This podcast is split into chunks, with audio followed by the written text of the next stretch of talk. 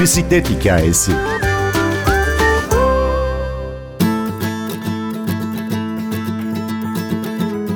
...17 aylık ve 8 yaşında iki çocukla Avrupa'da 1500 kilometre süren 2 aylık bisiklet turu. Matematik öğretmenleri İpek ve Barış Şen, kızları Duru ve Deniz. Bu aileyle mutlaka tanışmalısınız. Yol şarkımız Lenka, Everything at Once. Ben Gündür Öztürk Yener, Bir Bisiklet Hikayesi başlıyor. Zürih'ten Hollanda'ya kadar yaklaşık 1500 kilometre boyunca bisiklet kullandık. Toplamda 2 ay kadar sürdü. Ne Bu zaman yaptınız bu turu? Biz bunu 2 sene önce yaptık. İki sene önce yaptığınızda Deniz bir yaşında mıydı? Evet Deniz 17 aylıktı.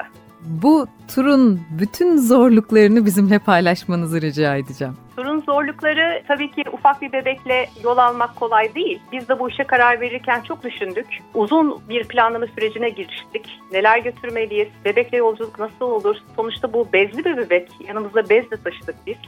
Bunun bir avantajı da denizi emzirmek de aslında. Çünkü hazır mamaya sahiptik. Tabii ki kolay değil. Büyük kızım Duru da 8 yaşındaydı o zaman tura çıktığımızda ve kendi bisikletini kullanıyordu ve yüklü bisikleti kullanıyordu. O yüzden zaten hani normal bir insanın tek başına günde 100 kilometre alıyorsa biz günde 30 kilometre veya en fazla en fazla 50 kilometre yol alarak ilerledik. Çünkü hem yük taşıyorduk hem çocuklarımız vardı. Onların da bu işi keyifli bir şekilde yapmasını istedik. Bu işten zevk almasını istedik. Molalı sürekli durarak parklarda çocuklar için molalar vererek günümüzü tamamladık. Yaklaşık dediğim gibi iki aylık bir süreçte 1500 kilometreye yakın yol alarak turumuzu tamamladık. Zürih'ten nereye ulaştık demiştiniz iki ayda? Biz Zürih'ten Hollanda'ya kadar gittik, Amsterdam'a kadar. Ren Nehri'nin kaynağından başladık biz ve suya döküldüğü Kuzey Denizi'ne kadar onu takip ettik. Ren Nehri rotası yaptık biz. Euroveli 15 yolunu tamamladık. Ren Nehri rotası kulağa çok güzel geliyor. Aile için yapılabilecek en uygun rota orasıydı çünkü. Onu tercih etmemizin sebebi oydu. Euroveli ağlarında çok fazla yol var. Ancak biz dediğimiz gibi bu işi hem ilk kez yapacaktık hem de güvenli olmasını istedik. Yani yolun mümkün olduğu kadar düz olmasını istedik. O nedenle bu yolu tercih ettik. Konaklamayı nasıl yaptınız? Ve 38 gününü çadırda kaldık. Geri kalan günlerde ise bazı ailelerin evinde bu aileler bizi yoldan çevirdikleri de oldu. Bizim kendimizin bulduğu aileler de oldu. Bunlardan iki tanesi arkadaşımızdı. Onların evinde kaldık. Yol boyunca tabii ki zorluklarla karşılaşıyoruz. Ufak bir çocuğa yüklü bisiklet kullandırmak kolay değil. Bizim gardırobumuz dediğimiz tüm kıyafetlerimizi Duru taşıdı. Bisikletinde iki tane dolu heybesi vardı, çantası vardı ve çadırı da yükledik ona. Ve bu yükle bu çocuk 1500 kilometre kullanabildi. Yani aslında biz çocuklar yapamaz zannediyoruz ama bizden çok daha dayanıklılar. Yani Duru birçok yerde mesela beni geçmiştir. Turun en arkasında kalan genelde bendim. Ekibin en arkasında kalan. Duru hep en önden gitti lider pozisyonunda. Yani tabii en önden gitti derken o güvenli yollardan bahsediyoruz. Bunun dışında ana yollarda her zaman duruyor. Aramıza aldık. En önde Barış ve Deniz, en arkadan ben, ortada da Duru olacak şekilde sürdük bisikletimizi. Duru ben senin fikrini çok merak ediyorum. Sen arkadaşlarına nasıl anlatıyorsun? Bizimle paylaşır mısın? Anılarımı paylaşıyorum. Onlara fikirler veriyorum. Onların da bana katılmasını istiyorum. Bu şekilde anlatıyorum onlara. Duru bizimle de bir anını paylaşır mısın? Nasıl geçti o yolculuk? Aslında aklıma gelen bir anım var ve sizinle paylaşmak istiyorum bunu. Kamplarda çocuklar büyüklere göre çok daha çabuk kaynaşıyorlar. Onların yanına gidip merhaba deyip mesela biz İngilizce anlaşıyorduk ve saklambaç oynamıştık bir keresinde. Onların çadırlarının, karavanların arasında çok da eğlenceli geçmişti. Bu da turun eğlenceli yanlarından bir tanesi. Hiç unutamayacağım bir anım. Bizlere göre çok daha kolay kaynaşıp arkadaş olabiliyorlar. Yani bir merhaba diyorlar, hemen isimlerini söylüyorlar. Oyun oynayalım mı? Oynayalım. Bu şekilde hemen başlayıp kaynaşıp oyun oynayabiliyorlar. Onlar oyun oynarken de işte biz Barış'ta çadır hazırlığı, yemek hazırlığı, akşam yemeği hazırlığı bu şekilde günlerimizi geçiriyorduk. Barış Bey sizi de dinleyelim. Biz iki sene önce bu yolculuğa çıktık. Yani Türkiye'de aileyle bisiklet yolları hakkında bir bilgimiz yoktu. Avrupa'da sertifikalı bir yolda kullanalım istedik. Avrupa'ya can veren Ren Nehri'nin kaynağından sürdük zaten e, Kuzey Denizi'ne kadar. Tabii onlarca insan, can, yolda gördüğümüz manzaralar hepsini ailecek yaşadık. Bunun dışında e, bir sonraki sene Türkiye'de adalar turlarımız oldu. Gökçeada, Bozcaada turlarımız oldu. Geçtiğimiz yazda Haziran ayında pandemi birazcık yavaşlayınca ve ulaşım serbest olunca 10 bin kilometre araç sürdük. 1400 kilometrede bisiklet sürerek Türkiye'de 50 tane gölün etrafında bisiklet kullandık. Mesela buradan Uluabat Gölü'ne gittik. Arabamızı Uluabat'ta park ettik. Etrafında bisiklet sürdük. Tekrar geldik ve böyle devam ettik. Van Gölü de dahil. Van'da arabamızı bıraktık. Orada Türkiye'nin en büyük feribotuna bindik. Tren taşıyan feribotuna. Çocuklarla birlikte karşıya geçtik. 450 kişilik feribotta sadece 4 kişiydik ve çalışanlar vardı. Ondan sonra da Tatvan'dan gölün etrafını 3-4 günde dolaşarak tekrar Van'a ulaştık. Böyle 3-4 senedir devam eden bir bisikletli yaşamımız var. As sly as a fox, as strong as an ox, as fast as a hare, as brave as a bear, as free as a bird, as neat as a word, as quiet as a mouse, as big as a house. Ah.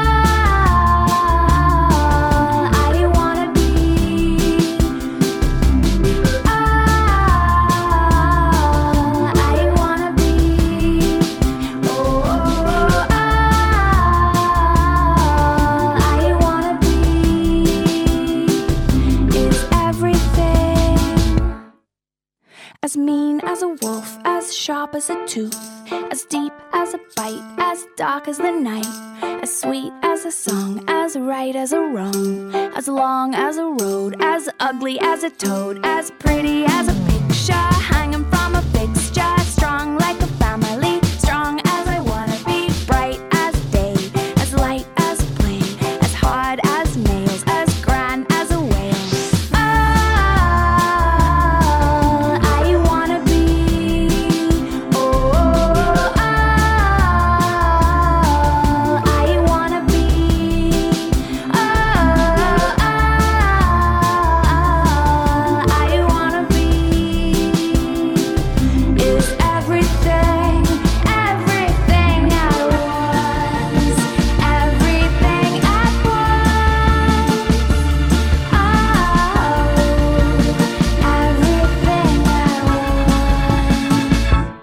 çok çevreci bir aileyle de konuşuyorum. Belki bu konuda da birazcık yorum yaparsınız. Ya bir şeylerin değişmesini istiyoruz ve bunu çocuklarımızın geleceği için yapmak istiyoruz. Bisikletliler çevreye ve doğaya karşı daha duyarlı oluyorlar. Çünkü biz daha yavaş ilerliyoruz doğada. Bir araba kullanan insana göre. Yani bir manzaranın önünden geçip gidiyorsunuz ama biz oranın tadına çıkarta çıkarta etrafı inceleyerek yavaş yavaş ilerliyoruz. İşte bir kelebeğin uçuşunu görüyoruz, durup onu seyrediyoruz. Ya da yolda bir yılan görüyoruz, durup yılanı seyrediyoruz. Yani etrafta olan her şeyi daha böyle sindire sindire yavaş bir şekilde ilerlediğimiz için doğanın daha çok farkında oluyoruz ve korunması gerektiğini düşünüyoruz. Bilhassa eğitimci olduğunuz için sormak istediğim bir şey var.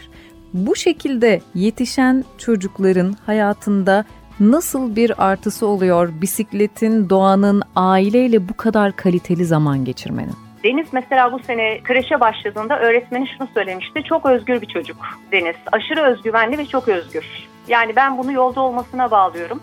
Yolun ona kattıkları en önemli şey bence kendine güven, özgüvenli olması. Duru'da da aynı şekilde. Doğayı sevmeleri en çok hoşuma giden de bu. Yani yolda gezerken aksaklıkları ya da çevredeki çöpleri ya da hata yapan insanı sürekli gözlemliyorlar ve bunun yanlış olduğunu bilerek sizden daha fazla tepki veriyorlar. Ve şu da var, Duru'da özellikle sorun çözme becerisi gelişti. Yani biz de yolda olduğumuz zaman birçok problemle karşılaşabiliyoruz. Ne gibi mesela? İşte hava kararmasına yakın açıkta kalabiliyoruz. Ne yapacağımızı düşünüyoruz. Orada durup çözüm yolu ürettiğimiz zaman çocuk anne ve babadan şunu görüyor. Aa evet böyle bir problem var, bu nasıl aşılır? Ne yapılması gerek? Teker patladı, olabilir, başımıza gelebilir. Nasıl tamir edilir? Ya da engebeli bir yoldan ilerliyoruz. Eğimi çok yüksek. Nasıl çıkacağız? Neler yapmamız lazım? Mesela Duru ne yapıyordu bu konuda? Duru söyler misin? Bizi yolda bir bayırla karşılaştığımızda havada çok sıcak. Çıkmak istemiyoruz o bayırı. Ne yapmamız lazım? Bayırda biz bir işaret belirliyoruz. Oraya kadar süreceğiz, orada mola vereceğiz, biraz dinleniyoruz ve sonra tekrar bir işaret belirliyoruz. Sonra tekrar oraya kadar sürüyoruz. Böyle böyle bayırı kademeli kademeli bir şekilde tamamlamış oluyoruz. Bu şuna yarıyor. Hayatta bir problemi bütün o halde görürseniz dağ gibi kocaman olabilir. Ama siz onu adım adım ufak ufak parçalara böldüğünüzde aşamayacağınız hiçbir sıkıntı yok. Aynı şekilde piyanoda zor parçalar çalıyor Duru. Bunları çalarken mesela satır satır ayırması ya da bir matematik probleminde görmesi ya da sosyal ilişkilerde de görmesi aynı şekilde analitik zekayı geliştiriyor tamamıyla doğada olmak. Biz doğanın üstünde değil zaten e, içinde bir parçayız sadece insan olarak. Hiçbir şeyden üstün değiliz o bize nasıl hareket etmemiz e, gerektiğini söylüyorsa biz de o şekilde hareket ediyoruz. Bayır aşağı gideceksek hızlı ilerliyoruz, rüzgarını hissediyoruz. O bize yavaş gitmeniz gerekiyor diyorsa rüzgarı karşıdan veriyor ve biz zorlanıyoruz ama yavaş yavaş yine de ilerliyoruz. Ayrıca bu yaz tatilinde gittiğimiz illerin çoğunda müzeleri dolaştık ve hepsinde de Duru tarihimizi yerinde görmüş oldu. Yani bu da çok güzel. Bu tüm dünyada yerinde yaparak, yaşayarak öğrenmedir ki eğitimde en kalıcı öğrenme şekli de budur. Var mıydı anlatmak istediğiniz anı? Onu da atlamayalım tabii ki anlatın. Olmaz mı? Ya anı çok. Bizim yolda geçen her günümüz bir anı. Çadırın yanına geceleyin ayıların gelmesi. Nemrut Krater Gölü'ndeyiz. o akşam orada kalmaya karar verdik. Çadırı kurduk. Denizi uyuttuk. Çadıra koyduk. Telefon ee, çekmiyor, karanlık, binlerce yıldız var gökyüzünde ve bir kraterin içindesiniz. Dünyanın en büyük ikinci krateri gölündeyiz. Nemrut Krater Gölü'nde. Bitlis Tatvan'da. Tam uykuya dalmışken yanımıza üç tane ayı geldi. Bir anne ve iki yavrusu. Çadırı kokladılar. Etrafında dolandılar. Biz korktuk hani ne yapacağız diye. Sessiz bir şekilde çadırın içinde barışla bekliyoruz. Biraz etrafı eşelediler, yiyecek bir şeyler aradılar. Onlar gitti, tam kurtulduk derken ayla dolunayla birlikte ayak ucumda kocaman bir ayı suretiyle tekrardan uyandık. Ee, şöyle pençesiyle çadırın pençesini iplerine takıldı. E, takıldı. Korktuk ama sonradan öğrendik ki yaklaşık orada 40'ın üstünde zaten ayı varmış ve bunların çoğu yemek yemek için oraya geliyormuş. Oradaki insanlarla konuştuğumuz zaman bunu söylediler. Merak etmeyin hani korkmayın bunlar evcildir bir şey yapmaz. Hollanda'da bir akşam açıkta kalmışız. Bir kamp yeri belirledik. Oraya doğru ilerlerken yolda bizi durduran yaşlı bir teyze arabasıyla durduran siz kamp alanına mı gidiyorsunuz? Evet ama gittiğiniz kamp alanı sadece kışın açık. Yazın orası açık değil. Gittiğiniz yerde şu an hiçbir şey yok dediğinde biz tam ne yapacağız diye düşünürken geri dönün. Benim kızım şu an üniversitede evi boşta ben o evi size vereceğim. Beğenirseniz kalın dedi. Dedi ki biz hani paramız yok veremeyiz ben sizden para istemiyorum dedi. Bebek var yanınızda dedi. Denizi gösterdi. Açıkta kalmayın dedi. Onun evi de hemen yolun karşı tarafındaymış. Akşam oraya davet etti bizi yemeğe. Biri heykeltıraşmış Hollanda'da, diğeri yine sanatçı oradaki sanat atölyeleri vardı. Çok güzeldi her şey. Duru her şeye şaşırdı. Aynı zamanda kaldığımız evde UNESCO Dünya Mirası'nda olan Kinderberg yel değirmenlerinin kanalına bakıyordu. Eşi de gençliğinde Avrupa'da bisiklet kullanmış uzun yıllar boyunca. Belki de o yüzden bizi görünce etkilendi. Kendi gençliğine benzetmiş de olabilir. Yolda olanın hikayesi olur diyorum ben. Hep gerçekten de yolda olanın mutlaka anlatılacak hikayeleri oluyor.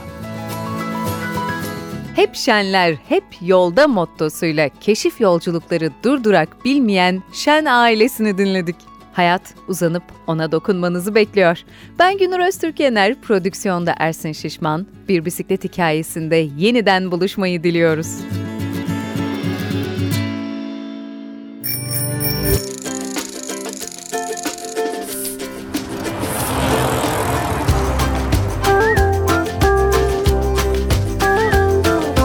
Bisiklet hikayesi.